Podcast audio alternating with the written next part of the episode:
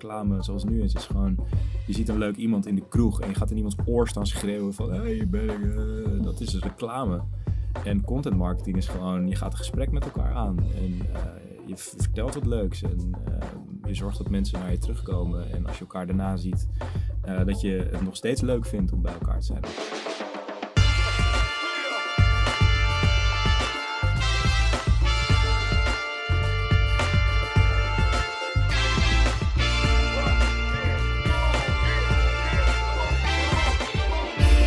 Goedemorgen, goedemiddag, goedenavond of wanneer je dit ook luistert. Welkom bij The Brief, de podcast over content, marketing en creatie van Wayne Parker Kent. Mijn naam is Gerben van der Rijt en dit is aflevering 89 van onze podcast The Brief. En veel van jullie luisteraars hebben deze woorden waarschijnlijk vaker gehoord, maar nog niet eerder uit mijn mond. We hebben namelijk een, eh, een speciale aflevering vandaag. Het is een nieuw seizoen, we zitten in een nieuwe studio, daarover zometeen meer. Eh, en jullie hebben dus een nieuw geluid gehoord bij de opening van de show. En dat heeft een, eh, een reden. Ik zit hier niet in mijn eentje, gelukkig niet. Ik zit hier nog steeds met waarde vriend en collega Matthijs Tielman tegenover me. Hallo. Hallo Matthijs, hoe is het met je? Goed hoor. Ja? Het is een beetje gek. Ja, dit is een beetje gek hè? Ja. Wil, jij, eh, wil jij vertellen waarom dit een beetje gek is? Ja, je hebt me eruit gewerkt. En, eh, Eindelijk. Nee, nee, nee. Ik, eh, ik heb een nieuwe baan. En daarmee komt mijn, eh, ja, mijn tijd bij Wayne Parker Kent tot een einde. En daarmee ook mijn, ja, mijn hostschap bij, bij The Brief. Dus Ja. tijd voor nieuwe uitdagingen. En dat betekent dus dat het gaat stoppen met deze mooie show. Balen man. Ja, maar ook alweer mooi voor jullie. Nieuwe energie erin. En mooie nieuwe dingen doen. Ja, cool. Ja, over die nieuwe energie zometeen meer. Want eh, wij hebben iemand gevonden die, jou, eh, die jouw plekje in gaat nemen. eh, waar wij veel van verwachten. Om een klein beetje de spanning op te bouwen. No pressure. No pressure. Maar Matt, wat ga, wat ga jij doen?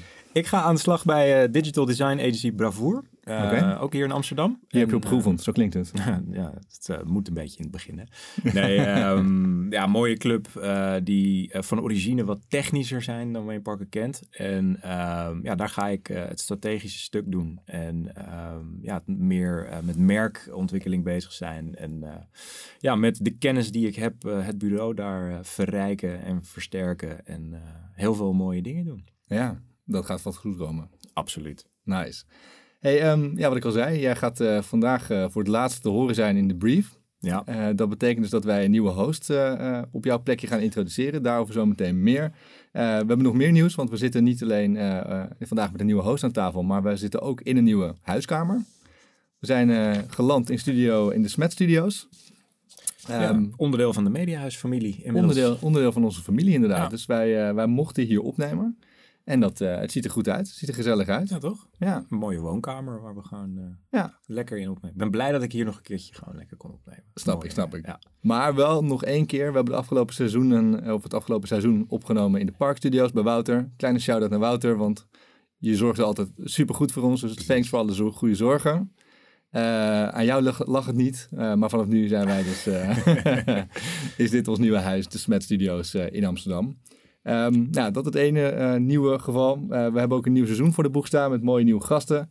We hebben mensen eh, in de show binnenkort van Van Moof, eh, van YouTube, van Polestar. Mooie merken. Ja. Ook Kees de Koning schrijft aan eh, eh, in de brief. En Arie Boomsma staat zelfs op de planning.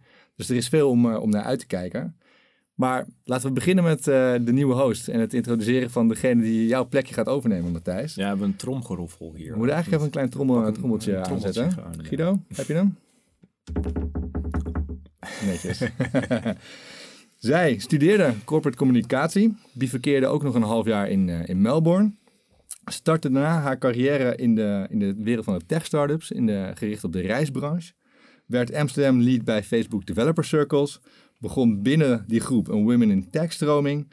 Startte zelf het online magazine Feminien. Belandde uiteindelijk bij Wayne Parker Kent als head of content. En mag zichzelf eh, eh, ja, part of the group noemen sinds een jaartje. En is nu dus vandaag te gast in de brief. En dan vanaf volgende keer een van onze hosts, Charlotte van Dijk. Hallo allemaal. Hallo Charlotte, Hallo. welkom. Hoe is het met je? Ja, goed. Ja? Zin om eh, hier eh, met jullie te zijn. De En, boel eh, is even naar een hoger niveau te tillen. Ja. nou, het is dat jij het zegt. ja, nee, eh, zin eh, om eh, dit seizoen te beginnen en eh kijk er naar uit. Ja, nou goed dat je er bent. Eh, we gaan je straks nog wat beter leren kennen. Dus dan eh, weet iedereen die luistert ook wie Charlotte van Dijk nou precies is. Ehm, maar zoals we met al onze gasten doen, beginnen we altijd met een, eh, een rubriekje om een klein beetje te landen en om de luisteraar alvast wat waardevolle tips mee te geven. Beste content die je de afgelopen tijd hebt gezien, gehoord of geluisterd? Ja. Nou, ik moet zeggen dat ik net klaar ben met het nieuwe seizoen van de Netflix-serie Inventing Anna. Ehm, Netflix-serie gebaseerd op het waargebeurde verhaal rondom Anna Delvey, een New Yorkse socialite die eh, iedereen eh, een beetje wist te flessen. Ehm, ze deed zich voor als een Russisch-Duitse erfgename met een fantasierijk verhaal over haar artist club die ze wilde oprichten.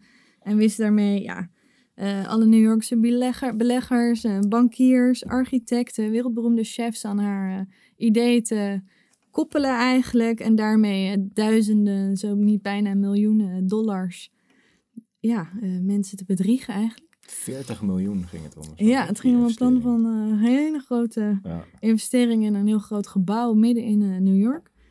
En ja, de serie duikt eigenlijk in op ja, waarom ze dat deed, hoe ze dat deed en hoe ze iedereen om haar vinger wist te wikkelen. Met haar mooie Russische accent eigenlijk. En eh, ja, het is wel vermakelijk, interessant en eh goede serie.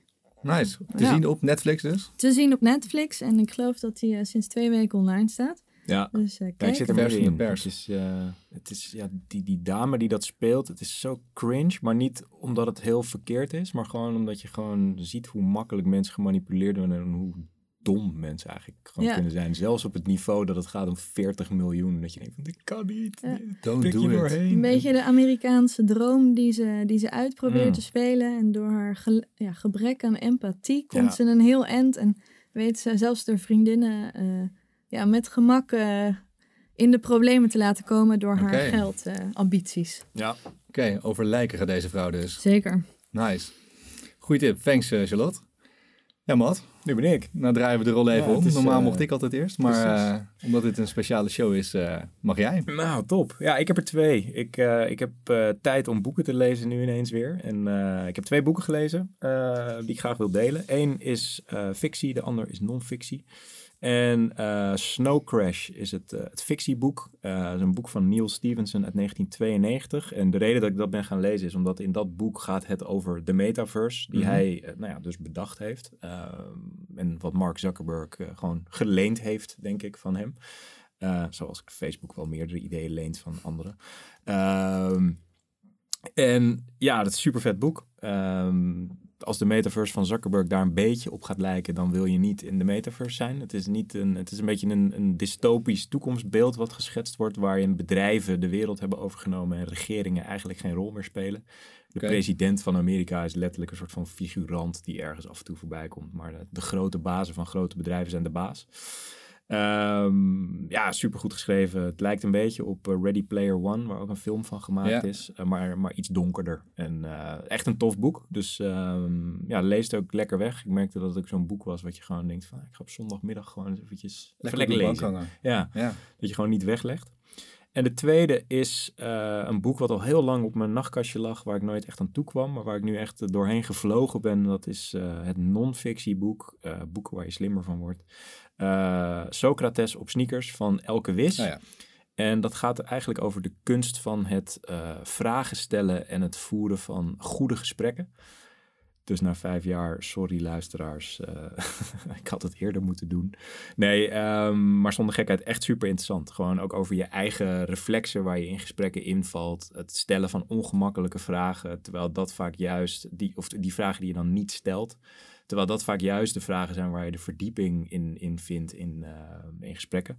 En Ja. ik denk dat dat voor zowel privé als, als in ons vakgebied, waar je natuurlijk ook vaak gewoon gesprekken voert met klanten en, en eh, nou ja, zeker in het strategievak gewoon door moet peuteren en door moet komen tot de kern van wat dingen echt zijn, is het echt een eh, super nuttig boek wat theorie uitlegt van hoe het werkt, maar ook handvatten geeft om het in de praktijk Ja. beter te gaan doen. En ja, erg leuk. ja, cool.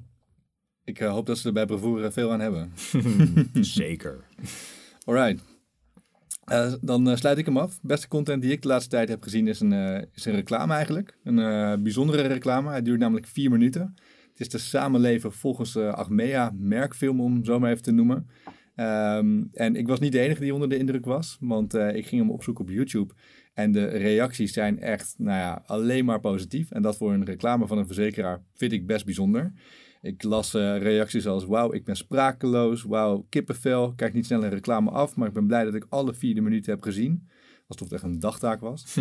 Uh, prachtige reclame. Uh, de makers verdienen opslag. Instant classic. Nou, echt alleen maar mooie en goede reacties. En ik ben daar wel helemaal mee eens. Het is een het is een verhaaltje ook echt van, uh, want wat je ziet in de film is dat je, je volgt een aantal mensen, een aantal verhaallijntjes die, uh, ja, die op het punt staan om iets ergs uh, mee te gaan maken.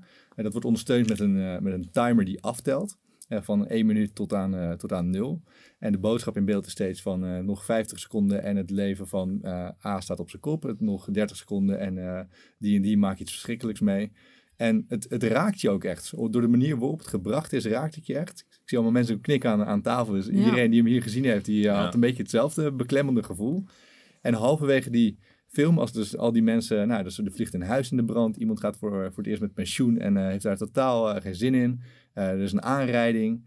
En vanaf dat moment wordt het zeg maar het verhaal omgedraaid. En dan laten ze zien hoe je wat je ook overkomt en hoe erg dat ook is of hoe erg je daar ook mee zit, dat je altijd nog de mensen om je heen hebt en dat je nooit alleen uh, bent in het leven, dat je samenleeft en uh, dat dat is wat, uh, ja, wat Achmea wil, wil promoten. Het idee van samenleven, wat natuurlijk goed past bij een verzekeraar, het collectiviteitsprincipe natuurlijk daarbij.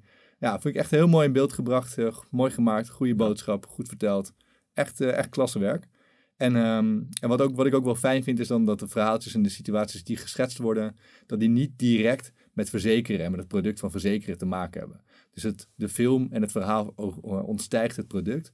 En uh, ja, laat daardoor het merk stijgen, wat mij betreft. Echt, echt props voor, voor Achmea. Ja, zeker mooi gedaan. Het enige wat ik me altijd afvraag bij, bij dit soort campagnes is: het is prachtig. Het is, het is voor de vakidioten als wij, is het inderdaad gewoon super mooi. Ja. Maar wat doet het voor Achmea in, in de long run? Zeg maar. Ja. Een, een, commercial van vier minuten zet je niet even weg op YouTube of, uh, of iets. Dus er moeten cutdowns gemaakt worden. Dus wordt het dan alsnog gewoon een kleine reclame die ervan gemaakt wordt? Of, of ja, wat, wat gaat het doen? Ik ben ja. wel benieuwd naar. Ja, ik ook. Want ik, zo, ik ging hem dus opzoeken op YouTube en hij had nog geen 40.000 views. Dat is echt uh, niet veel. Um, ik heb hem ook op televisie nog niet gezien. Uh, ik hoorde wel iemand die hem als bioscoopreclame voorbij heeft zien komen. Maar goed, om nou alleen in een bioscoop uit te zenden, dat, uh, daar ga je je doelstelling ook niet mee, uh, mee nee. bereiken, denk ik. Dus ik ben benieuwd hoe ze dit uh, groot gaan maken. Maar het heeft alles in zich om een, echt een klassieker te worden. En het, ik denk dat een schoolvoorbeeld voor hoe je als, als merk je merkverhaal wil vertellen. Ja, weet u nog wie hem gemaakt heeft? Oeh, goede vraag. Weet ik eventjes niet, maar zoeken we op. Zetten we in de show notes. En daar kan iedereen alle tips ook van jullie terug gaan vinden. Dus ben je benieuwd naar de, de serie van Charlotte of naar de boeken van Matthijs? Of wil je weten uh, hoe die commercial er nou precies uitziet en wie hem gemaakt heeft? Ga naar thebrief.nl uh, en daar vind je onze show notes en kun je alles nog eens rustig op je gemak teruglezen. En dan is nu tijd om kennis te gaan maken met Charlotte van Dijk en het eerste deel van ons interview. Ja, kom maar op. Charlotte. Ja, hallo even het podium aan jou geven. Ja. Uh, zodat de luisteraar jou wat, uh, wat beter kan leren kennen voordat ze niet meer om je heen kunnen als, uh, als mede-host van deze podcast.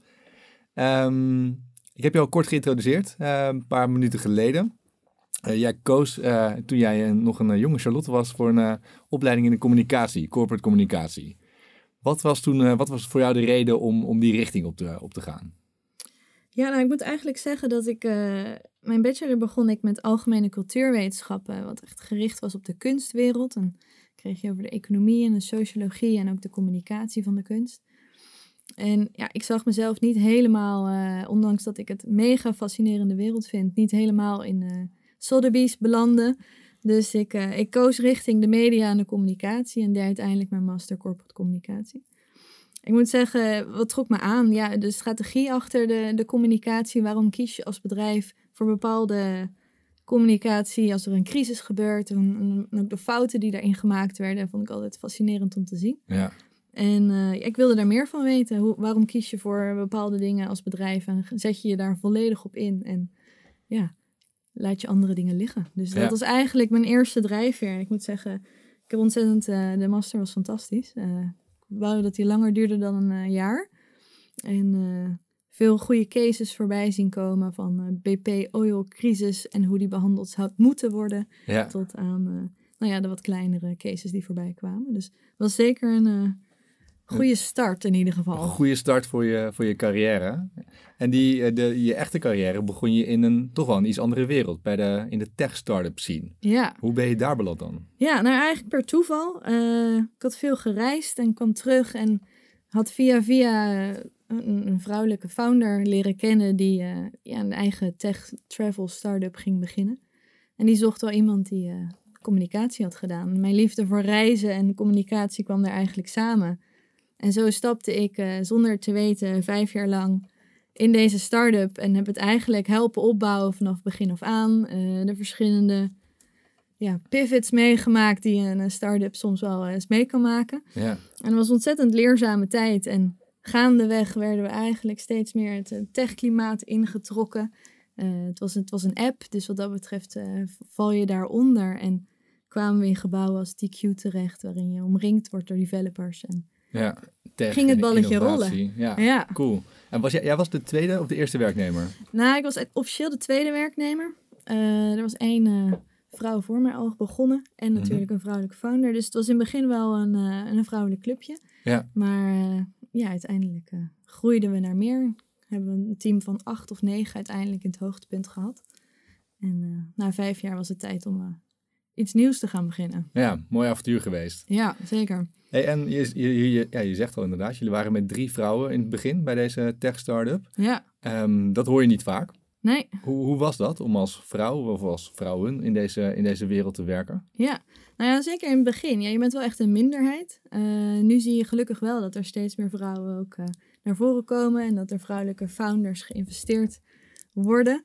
Ehm, maar zeker in het begin en in, in van die grote techgebouwen, ja, je bent toch wel denk ik een, klein, een minderheid. Een kleine 20% is vrouw en vaak zitten ze dan in de marketing en eh, Ja, communicatie. in de marketing. communicatie van het bedrijf. Dus, eh, maar gelukkig zie je dat het wel steeds meer eh, verandert. Maar in het begin was het wel echt ja, in de minderheid. Ja, maar had je daar dan ook last van? Of werd, je- werd je serieus genomen?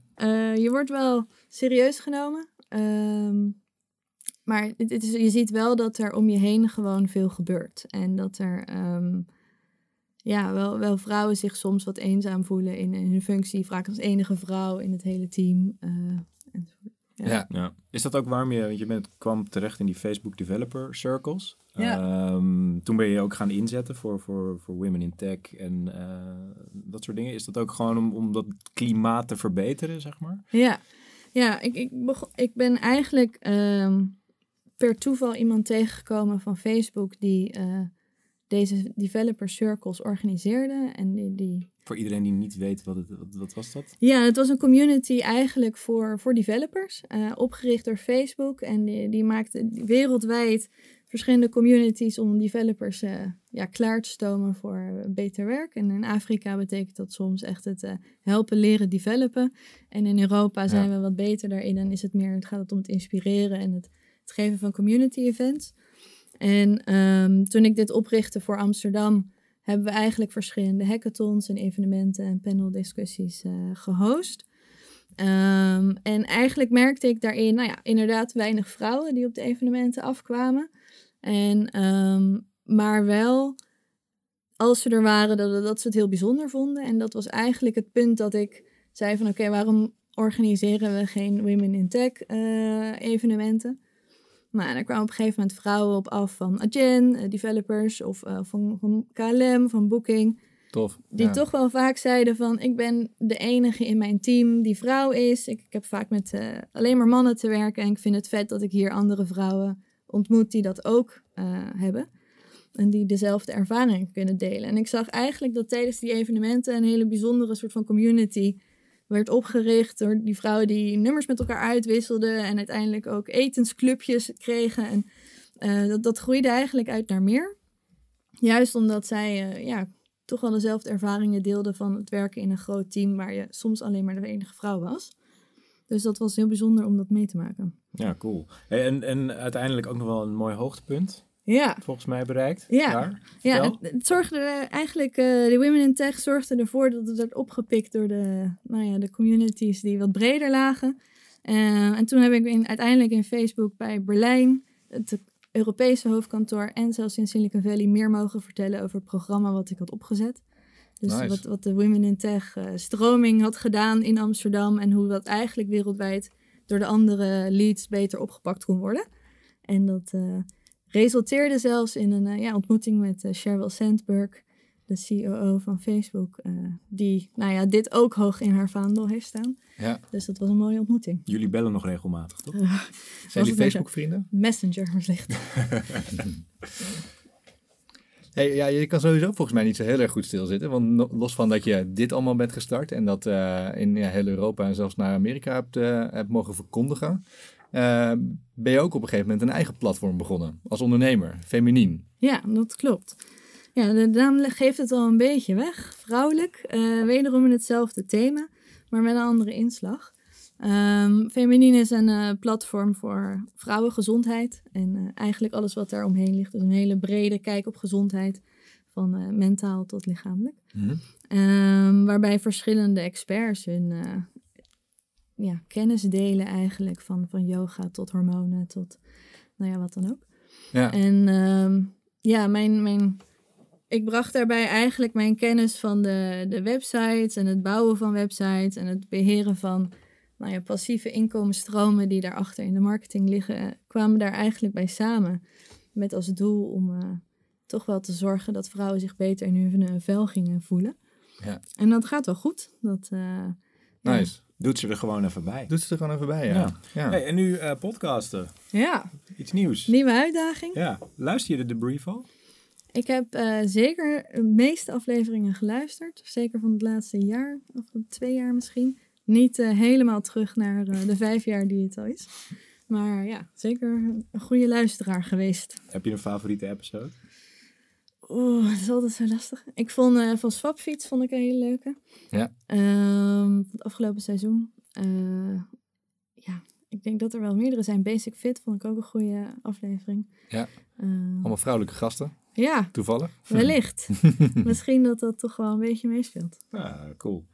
Hey, en ehm, luister je zelf verder ook gewoon nog een beetje podcast? Ja, ja ik, eh, ik vind podcasts leuk die eh, je echt een wereld vertellen die je eigenlijk zelf niet helemaal kent. En die wat nieuws vertellen. Dus bijvoorbeeld eh, ja, de Darknet Diaries, waarbij je helemaal in het dark web eigenlijk erachter gaat. My fellow nerd. Cool om te zien, maar zo ook de Nederlandse, ja, de dienst van de je- neemt je ook helemaal terug. Ja, Ja, wat gebeurt er ik. nou helemaal eh, bij de AIVD en hoe lossen ze die problemen op en waar gaan ze daarmee in door?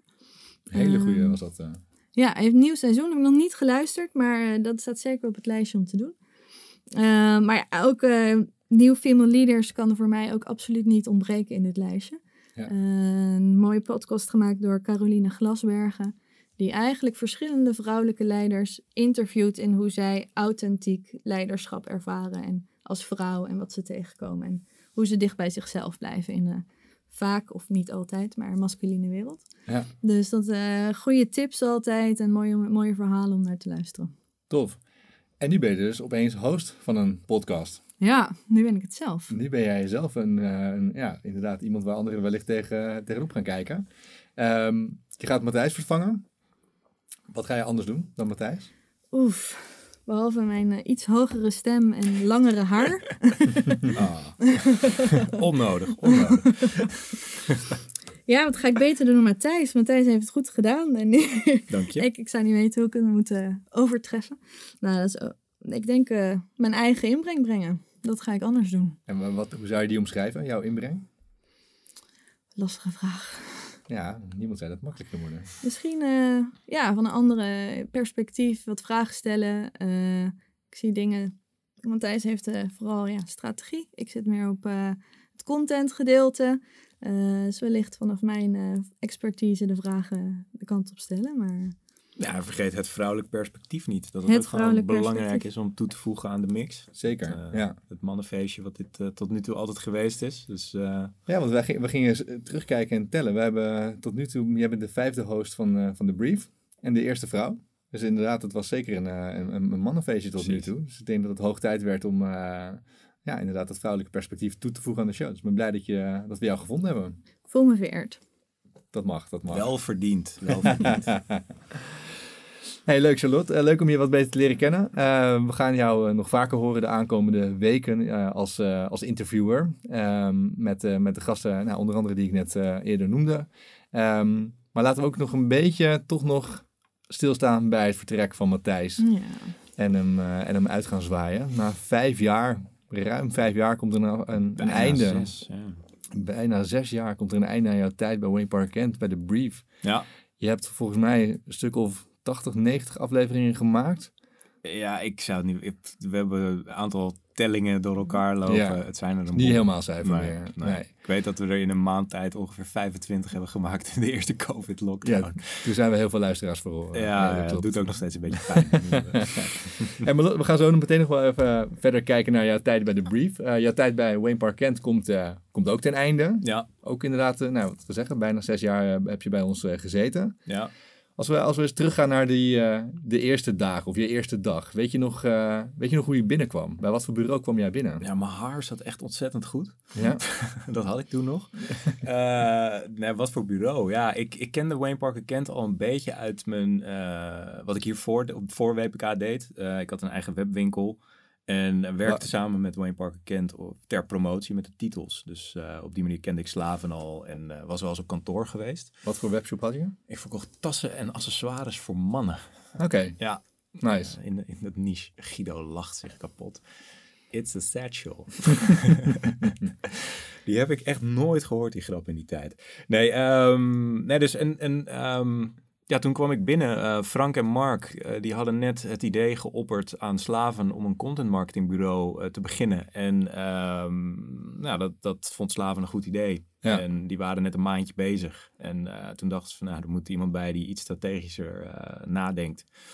En dat werd ik. En eh, op die manier kwamen we in een bruisende uitgeverij. Kwamen we eigenlijk ons eigen dingetje doen. Ja, Op het gebied van content marketing. En ehm, ja, dat was een wervelwind die, eh, ja, die dus bijna zes jaar geduurd heeft. ja, nice. En met, met wat voor ambities kwam jij binnen? Wat waren jouw verwachtingen? Langer dan zes maanden in dienst blijven ergens een keer. Was, dat, je, was dat je record dan toe? Nou, het- ja, jaar was toch vaak wel een soort van de cut-off point. Ja. En, eh, nee, mijn eigen bedrijf heb ik bijna vijf jaar gehad. Maar ja, ik heb altijd de, de modus gehad van in je, in je twenties moet je gewoon veel dingen proberen. En er ook heel erg achter komen wat je niet wil. En dat heb ik ook met, met verf gedaan. Nee, en toen was het, eh, ik had net mijn eigen bedrijf verkocht. En ja, dan, dan loop je toch een beetje zieloos rond. De verkoop was niet dusdanig indrukwekkend. Ik dat ik, zeggen, nee, hè? want, eh, dus, dus nee, het was een mooie tijd die ik mooi heb kunnen afsluiten. Maar eh, nee, ik was wel gewoon op zoek van, nou, ik hoop dat ik nu een keer iets vind wat, wat, wat langer gaat duren. En waar ik echt gewoon in kan groeien en veel van mezelf kwijt eh, kan. En ja, dat is eh, meer dan gelukt. Is- Vervolgens was je niet weg te slaan. Nee, precies. Het is wel geprobeerd, niet gelukt. Ja. En wat zou je zeggen dat je bereikt hebt in de afgelopen tijd? Of juist niet? Wat, wat had je misschien willen bereiken en ben je niet tot gekomen? Ja, goede vraag. Eh, wat heb ik bereikt? Nou ja, sowieso inderdaad die, die deadline van, van een jaar. eh, dat, ja, meer dan. Eh, ik ben ontzettend hard meegegroeid met het bedrijf.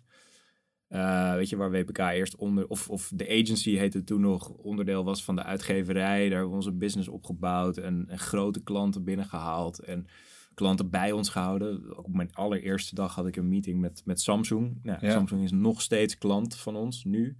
Dus daar ben ik ontzettend trots op. Echt super mooi. En dat dat project ook nog steeds hetzelfde project. Ook, dus dat loopt nog steeds. En ja, dat is gewoon super vet.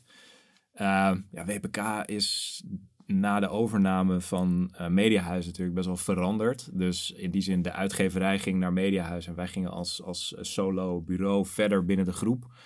Eh, ja, en daarin is het bureau ook gewoon weer geëvalueerd naar een, gewoon een volwassen club, weet je wel. En ja, dat heb ik allemaal wel gewoon zien gebeuren. En ook wel eh, ja, ergens mijn stempel op weten te drukken. En eh, ja, dat vind ik mooi om te zien. En eh, dat is een heel lang antwoord op je vraag. Ik zat Ja. een beetje na te denken. Nee, waar ik heel trots op ben, is, is kijk, ik ben gewoon een wetenschapsnerd. Zoals eh, de luisteraars waarschijnlijk wel weten, die wat langer luisteren. En wat ik heel mooi vind om te zien, is dat, dat, dat eh, het meenemen van onderzoek in onze projecten, dat dat gewoon een soort van standaard is geworden. Weet je? Dat, dat iedereen dat doet. Die lat ligt hoog. Ehm, ja, en dat zit er nu gewoon in. En, en daar ben ik onwijs trots op. Ja. En ehm, ja, hou dat vast. Ik ga mijn best Houd doen. vast. ja. En heb je, eh, als je terugkijkt, een memorabele klantmeeting gehad waarbij je denkt van, nou, Nou, ik weet niet hoe lang deze show moet gaan worden. Maar, ja, nee, meerdere. Nee, het is, ja, ik, ik ga geen namen noemen, dat is niet eerlijk. Maar nee, we hebben echt wel situaties gehad waarin je gewoon dacht van... We're so out of our league here. Maar gewoon op basis van... eh Pure nou ja, bluff. nou ja, bluff, maar ook wel gewoon onderbouwd bluffen, weet je wel. Ja. Gewoon, je verkoopt echt geen onzin en je visie klopt echt wel. Ehm, ja, toch die dingen eruit slepen en, en pitches tegen supergrote partijen en gewoon winnen, weet je. Dat je echt denkt van holy shit, weet je wel. We hebben gewoon echt gewonnen van een heel gerenommeerd bureau en ze kiezen gewoon voor ons. En eh, nee, ja, meetings, ja, gewoon, ja... Ik, weet niet of ik dit kan, kan zeggen, maar... Nee, we hebben wel meetings gehad in, in, bij een grote klant van ons in Duitsland. En dan kom je bij een, een heel groot eh, Duits eh, ja, bedrijf en eh, met de board of directors. Dat is gewoon super intimiderend. En daar moesten wij dus ons verhaal pitchen. En zoals dat altijd gaat in ons vakgebied, begint strategie met de onderbouwing en de onderzoeken en alle theorieën waarop alles gebouwd is. En dan gaan de creatieven de leuke dingen doen. En ik was daar samen met Mark en eh, nou ja, we hebben ons, ons trucje gedaan. En eh, die gast, gewoon een hele intimiderende man. Ook omdat je denkt van, nou ja, dit is de board of directors, weet je wel. En die kijkt me aan en die zegt, when you were talking, I almost fell asleep. But when he started talking, toen wees hij naar Mark en toen zei hij van, I loved it. en toen was het verkocht. Dus dat je denkt van, wow, wow, echt heel veel emotie binnen één minuut. Maar het was wel verkocht. hebben hem. Dat is, ja, dat was wel eh, een beetje angstzweet. En eh, zo, eh, zo zijn er wel meer geweest. Maar dat is wel een van de mooiste, mooiste momentjes. en we werken nog steeds met hem, zo, zo, zo Ja. schadelijk, is, schadelijk is het niet geweest. Nee, nee, nee, zeker. En uiteindelijk blijkt zo'n man ook maar gewoon een mens. En dat, eh, ja, als je in een boardroom terechtkomt, eh ja, zijn ook mensen en die houden ook van grapjes en, en dat soort dingen. Dus het kan ook gewoon heel gezellig worden, wat het later ook gewoon werd. En eh, nee, supermooi. Leuk. Een van de vele avonturen. Ja, mooi. Ja. En als we dan toch terug- terugkijken, wat had je anders gedaan? Oeh. ehm, jeetje. Ja, heel veel. Weet je, dat is ook gewoon als je er middenin zit, zie je eigenlijk niet of. Dat is misschien mijn karaktertrek, dat wat wel goed gaat. Ik heb altijd meer aandacht voor de dingen die niet goed gaan. Ja, en dat, dat zit hem in de pitches die je niet wint, weet je wel. En de dingen die je, die je niet, niet voor elkaar krijgt. Weet je, er liggen echt nog honderden plannen gewoon klaar. Businessplannen helemaal uitgewerkt die je door ja, de, de waan van de dag en, en eh, de wereld waar je in leeft gewoon niet waar kan maken. En weet je, alle supermooie groeiplannen en dan besluit er ineens een of ander virusje de wereld even twee jaar stop te zetten, weet je wel. Dus dat je denkt van, kak, dit, dit, ik geloof nog steeds in heel veel van die plannen die er liggen. En ergens doet het dan ook wel een beetje pijn dat ik ze niet meer ga, ga waarmaken. Eh, uiteraard op het gebied van marktonderzoek. Ehm, maar ja, het is goed, weet je wel. En ehm, ja, aan, aan mijn opvolger, opvolgers, het team, de taak om dat wel te doen. En eh, ja, om, om WPK naar nog nog mooiere hoogte te tillen met z'n allen. Ja, nice. Mooie, ja, mooie, mooie taak ook nog voor de rest inderdaad, wat, eh, wat overblijft. Jullie regelen het maar, jongens. Wij gaan het voor je fixen. Hey, los van onderzoeknerd stond jij ook altijd wel bekend als de content marketing purist eh, van de club. Ehm, de, ook dat vakgebied heeft zich ontwikkeld Het woord fundamentalist is ook wel eens genoemd. Ja, Ja, ja dat is ook, eh, daar is ook geen woord aan gelogen.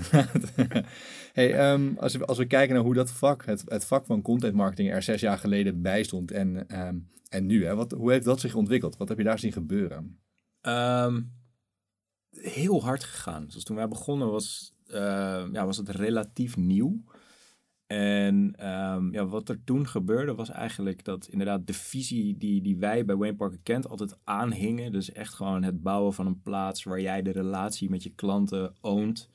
eh, en daar mensen naartoe brengen. Eh, Ja. Die visie had je heel sterk. Ik denk als een publisher, maar dan als merk. Precies, voor een merk en gewoon lange termijn denken. Dat, ehm, ja, daar waren al een aantal bureaus die daarmee bezig waren en wij deden dat ook. En, en ik geloof nog steeds in die visie. Ehm, maar het is toen wel echt volle bak die hype cycle ingegaan, zeg maar. En, Mhm. en ieder bureau maakte ineens content. En eh, dat is ook waar, alles is content, maar er is maar heel weinig echt content marketing. En, en dat frustreerde mij een tijdje wel heel erg, dat ja, ieder bureau deed ineens aan content marketing. En ja, wat doen ze dan? Ze maken Facebook-posts. Ja, Ja. dat is content, maar daar, dat is niet de content marketing filosofie zoals, zoals we die bij Wayne Parker kent en ik zelf geloven. Ja. Dus wat dat betreft ook wel wat frustratie gehad. En je hebt in deze show natuurlijk ook niet onder stoelen of banken gestoken.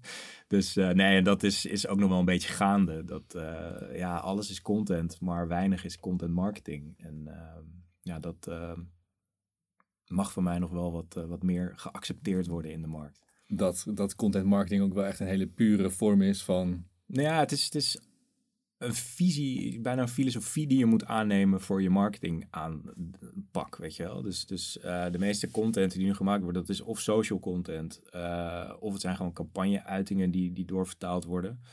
Ehm, en niet die, die, die fundamentele visie van ik bouw een plek waar mensen naartoe komen uit zichzelf, waar ik de relatie kan aangaan en echt die relaties opbouwen. Dus het is veel minder reclamisch, zeg maar, dan, dan wat de, de business eh, op dit moment verkoopt als content. Ja. Maar is het vak dan ook niet een stuk rijker geworden? Juist Eh, dat er op een andere manier wordt gekeken naar gewoon de verhalen die vanuit een merk verteld worden en de plekken waar die aan de mensen verteld worden. Ja, zeker. Alleen het moet natuurlijk altijd wel bijdragen aan een hoger doel. En, en ik heb het gevoel dat dat nog wel eens ontbreekt. Dat, dat iedereen nu op de TikTok hype train springt, want TikTok is hot. Dat geloof ik helemaal. Daar zitten heel veel mensen die heel veel bereikt. Maar ehm, weet je, bui- wil je er meer uithalen dan een awareness tool, ehm, waarvoor het perfect is, ja, dan moet Mhm. je toch ook daarachter meer gaan doen. En ehm, ja, dat, dat, die visie mis ik nog wel eens. Zeg Ja. maar. Dus gewoon de, ja, het, het groter denken dan alleen maar toffe plaatjes op TikTok en, en eh, heel veel exposure. Eh, en wat, wat is het plekje in de rest van je verhaal en hoe haakt dat in op, eh, op je totale marketingvisie? Ja, Ja. werk aan de winkel. Absoluut. Ja, want we hebben het er zelf vaak over gehad. Van, het wordt voor merken natuurlijk steeds moeilijker om hun klanten te benaderen. Ja. Eh, cookies, eh, verschillende apps die je dan niet meer kunnen trekken. Ehm, hoe zie je dat in de toekomst? Dat, hoe kunnen merken uiteindelijk hun, Hun publiek hun bereiken. publiek blijven bereiken? Uh, nou ja, door dus ehm, ja, echt heel hard die focus te leggen op je publiek. Weten wie je publiek is. Ik denk dat dat al een stap is. Ehm, weten wat hun voorkeuren zijn. En, en hoe jij daar als merk logisch eh, op, op eh, kan inspelen door hun aandacht te verdienen. Dus dat betekent dat je je doelgroep supergoed moet kennen. Ehm, dat je content moet gaan maken die eh, zij interessant vinden op een plek waar zij dus ook graag naartoe komen. Dus het moet goed genoeg zijn om hun aandacht te verdienen. Ehm, ja, en dan moet je nog dat stukje daarachter gaan bouwen, waarin je dus de relatie met ze opbouwt. Dus de, de toestemming verdienen om met ze te blijven praten, dat ze graag bij je willen blijven. En ja, de, de metafoor van een relatie opbouwen tussen twee mensen is, is eigenlijk gewoon heel passend. Weet je? Het is, het is eh, ja, reclame zoals nu is, is gewoon... Je ziet een leuk iemand in de kroeg en je gaat in iemands oor staan schreeuwen van... Hey, ben ik. eh." dat is reclame. En content marketing is gewoon, je gaat een gesprek met elkaar aan. En eh, je vertelt wat leuks. En ehm, je zorgt dat mensen naar je terugkomen. En als je elkaar daarna ziet, eh, dat je het nog steeds leuk vindt om bij elkaar te zijn. Op een gegeven moment besluit je van, hé, hey, eh, misschien is er wel wat meer tussen ons.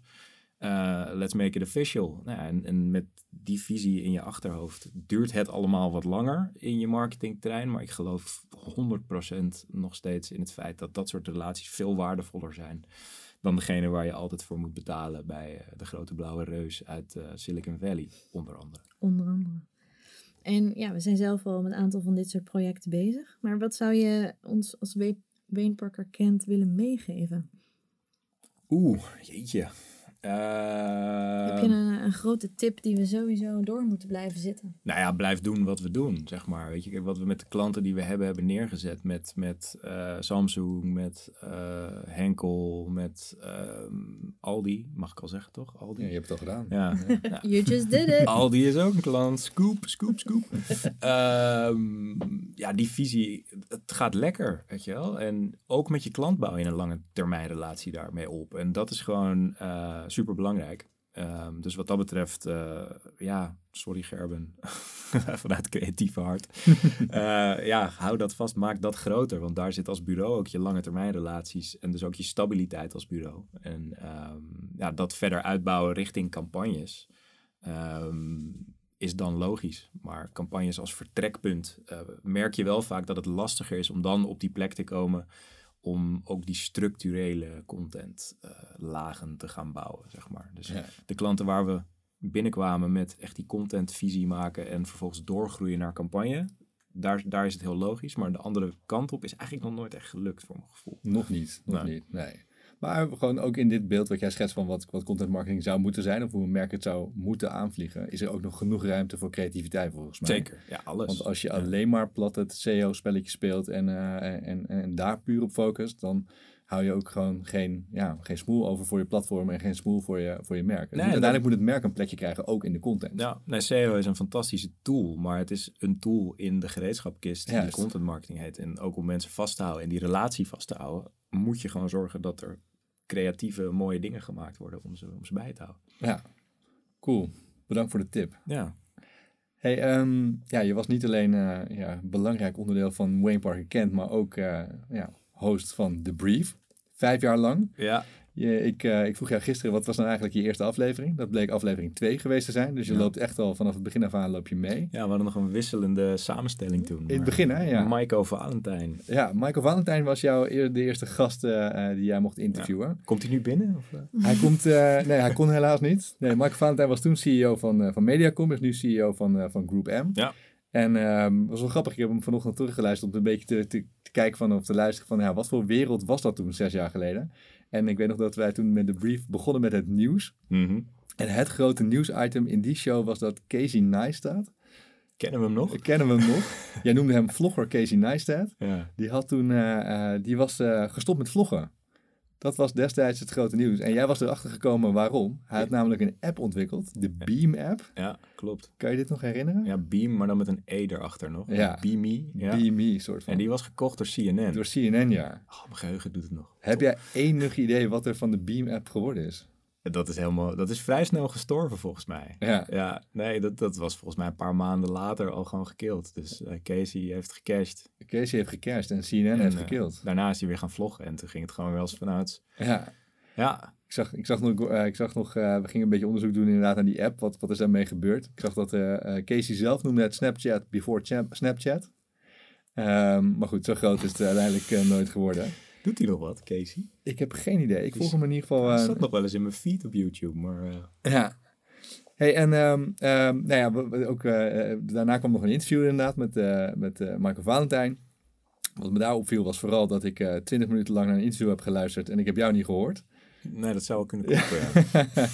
dus je hebt wel flinke stappen gemaakt, ook als host sindsdien. Betere interviewer geworden. Ja. Hey, wat is al- alle afleveringen die je hebt gemaakt? Hè? Wat is nou de, wat vond je de tofste aflevering om te maken? Nou, allereerst moet ik gewoon zeggen dat ik ze allemaal tof vond. Omdat ook onze gasten hun tijd hebben gegeven aan deze show. Eh, die de moeite hebben genomen om hier te zitten. En, en eh, in het begin in onze bezemkast eh, gezeten hebben.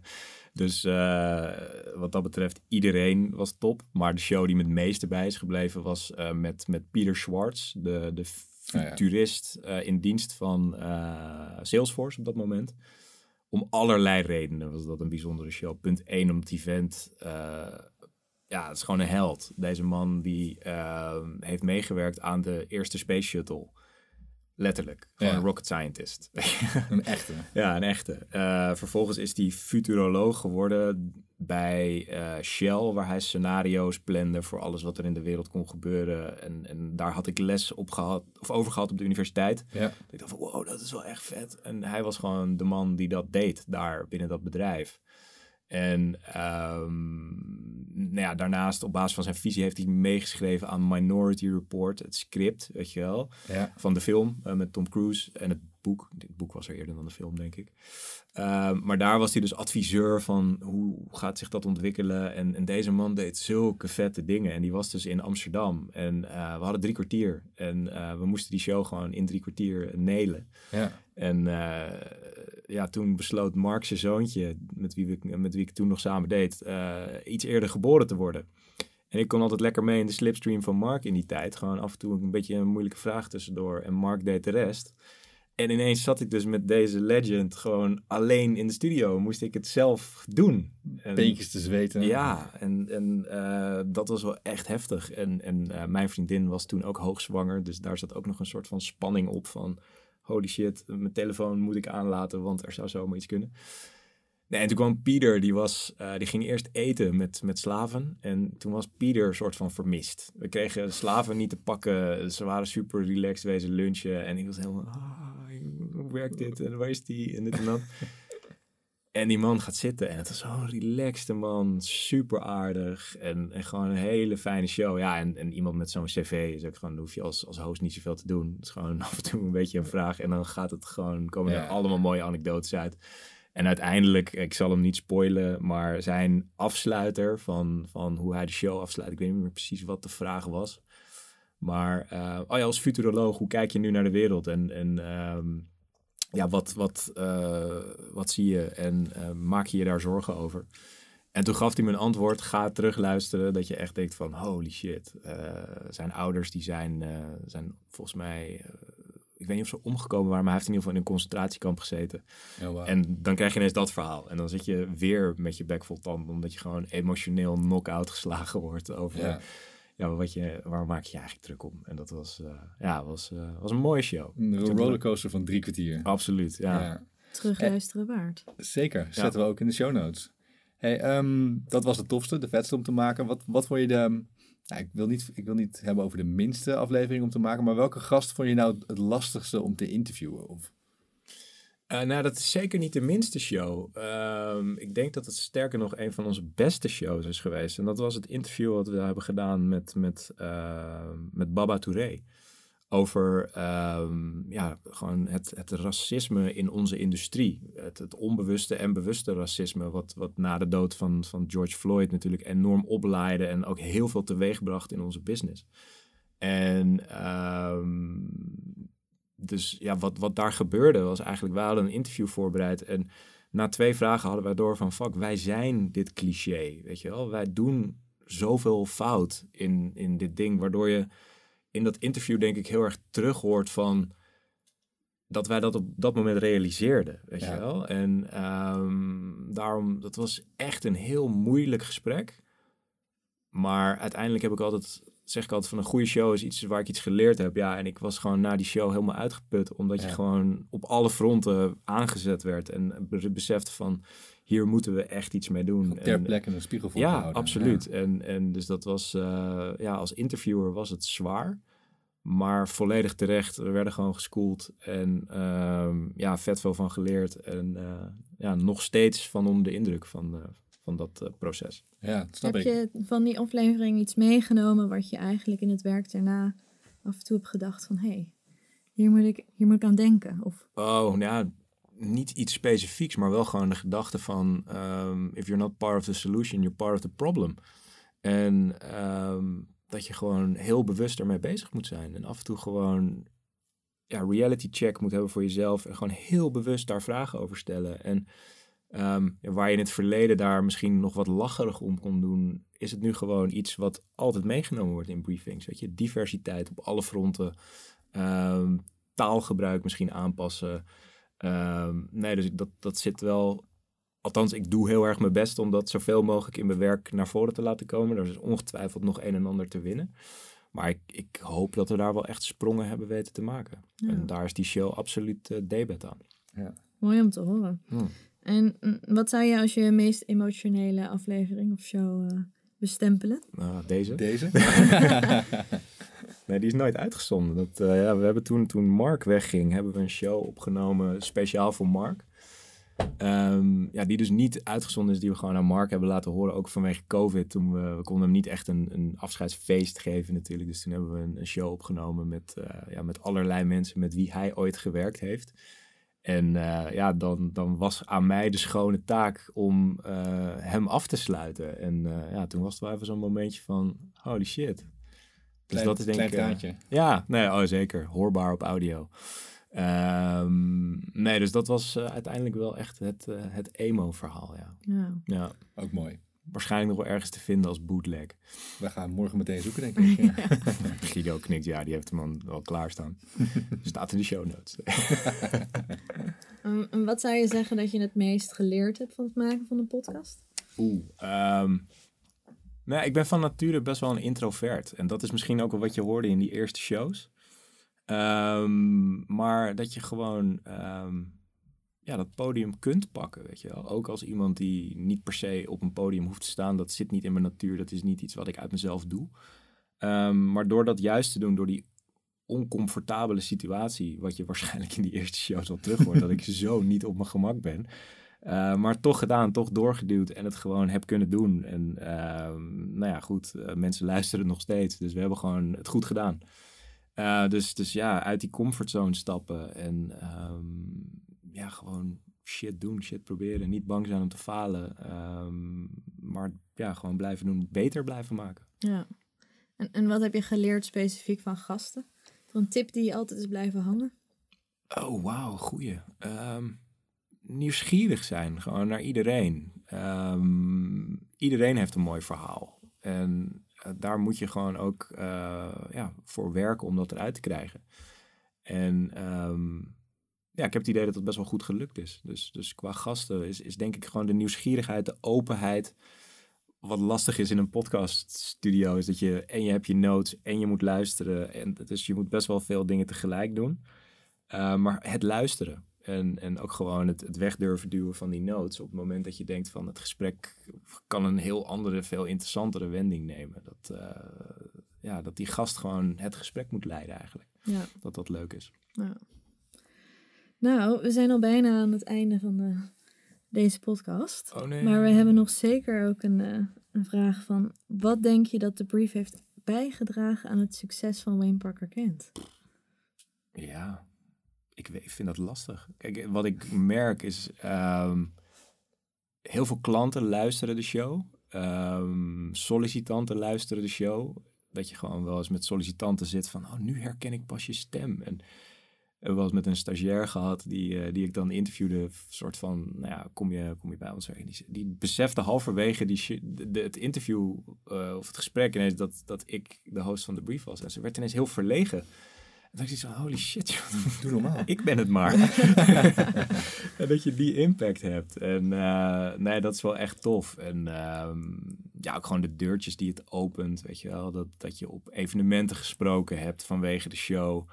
Um, ja, we hebben live events gedaan waar mensen naartoe kwamen. Dus, dus ja, wat dat betreft heeft het ons echt wel gewoon op de kaart gezet. En ja, in die end uh, hebben we hopelijk gewoon elke mensen elke twee weken blij gemaakt met een leuke show. Hebben we hun wat geleerd. En dat kan niet anders dan dat het positief afstraalt op, uh, op Wayne Parker Kent. Dat denk ik ook.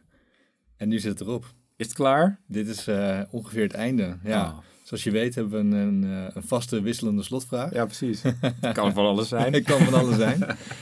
Nee, ik denk, ik, ja, wat zou jij als, als slotvraag voor deze keer? Het is een, een, moment waarbij we eigenlijk gewoon ook symbolisch het stokje natuurlijk overdragen van jou naar Charlotte. Pak hem er even bij. We pakken, hem, we pakken hem er even bij. Zou je haar nog, Charlotte, als host iets willen meegeven?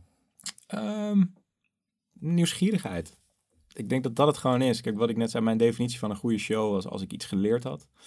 En um, ja, zoek dat op. En nieuwsgierigheid, in, oprechte interesse tonen in mensen. En dat kan Char als geen ander. Anders hadden we er ook niet op deze stoel gezet. Um, dat dat de sleutel is tot succes. En um, ja, je vindt je, je ritme wel op een gegeven moment. En uh, op een gegeven moment zijn gasten zenuwachtiger dan, dan jij voor een show. En dat is altijd wel een... Uh, dat is een mooi moment. Ja, een bizar moment vond ik dat altijd. Maar uh, nee, het, het laat het vooral leuk zijn. En uh, hou die nieuwsgierigheid vast. En dan komt het vanzelf goed. Dankjewel. Goeie tip. Daar kan je wel wat mee, toch? Zeker. Dan uh, zijn we hierbij aan, uh, ja, echt bij, bij het einde, aan het einde gekomen van de laatste debrief met Matthijs Tielman. Ja, ja. Uh, nogmaals dank Matthijs voor al je trouwe jaren bij Wayne Parker Kent, bij de brief als host. ik vond het mooi ook om aan jouw zijde deze plek te mogen invullen en te mogen, mijn eerste stap te mogen maken in de wereld van het maken van de podcast. Dank voor alles, voor je lessen. Graag gedaan. En uh, we gaan elkaar uh, vast nog wel tegenkomen. Sowieso. Daar ben ik van overtuigd. Houd ons op de hoogte. Absoluut. Zeker. Charlotte, welkom. Dankjewel. Als nieuwe host van de volgende week gaan we het met z'n twee doen. Yes. Of over twee weken moet ik eerlijk zeggen. Ja. Uh, de eerste gast die wij dan op de planning hebben staan is Maurice Ajanakoum. Dus meteen een, een mooie om, om mee af te trappen. Dus dat voor over twee weken. Rest mij niks anders dan nog één keer te zeggen dat de show notes te vinden zijn op thebrief.nl. Waar je dus alles wat wij hebben verteld, of het nou een, uh, een pijnlijke eerste aflevering van de, Brief was met Matthijs, of een, uh, een tip van Charlotte over een Netflix-serie. Alles kun je daar terugvinden. Uh, abonneer je ook vooral op de show. Uh, volg ons op LinkedIn. Laat een recensie achter waar dat kan. Uh, vinden we leuk. De brief wordt gemaakt door Wayne Parker Kent. De productie was vandaag in handen van Guido Wiegers. De redactie was voor het eerst van Olaf Deben. Dankjewel Olaf. We waren dus in de Smet Studios via de stroom. Onze mediapartner is Immers. En de volgende aflevering is over twee weken. Tot dan.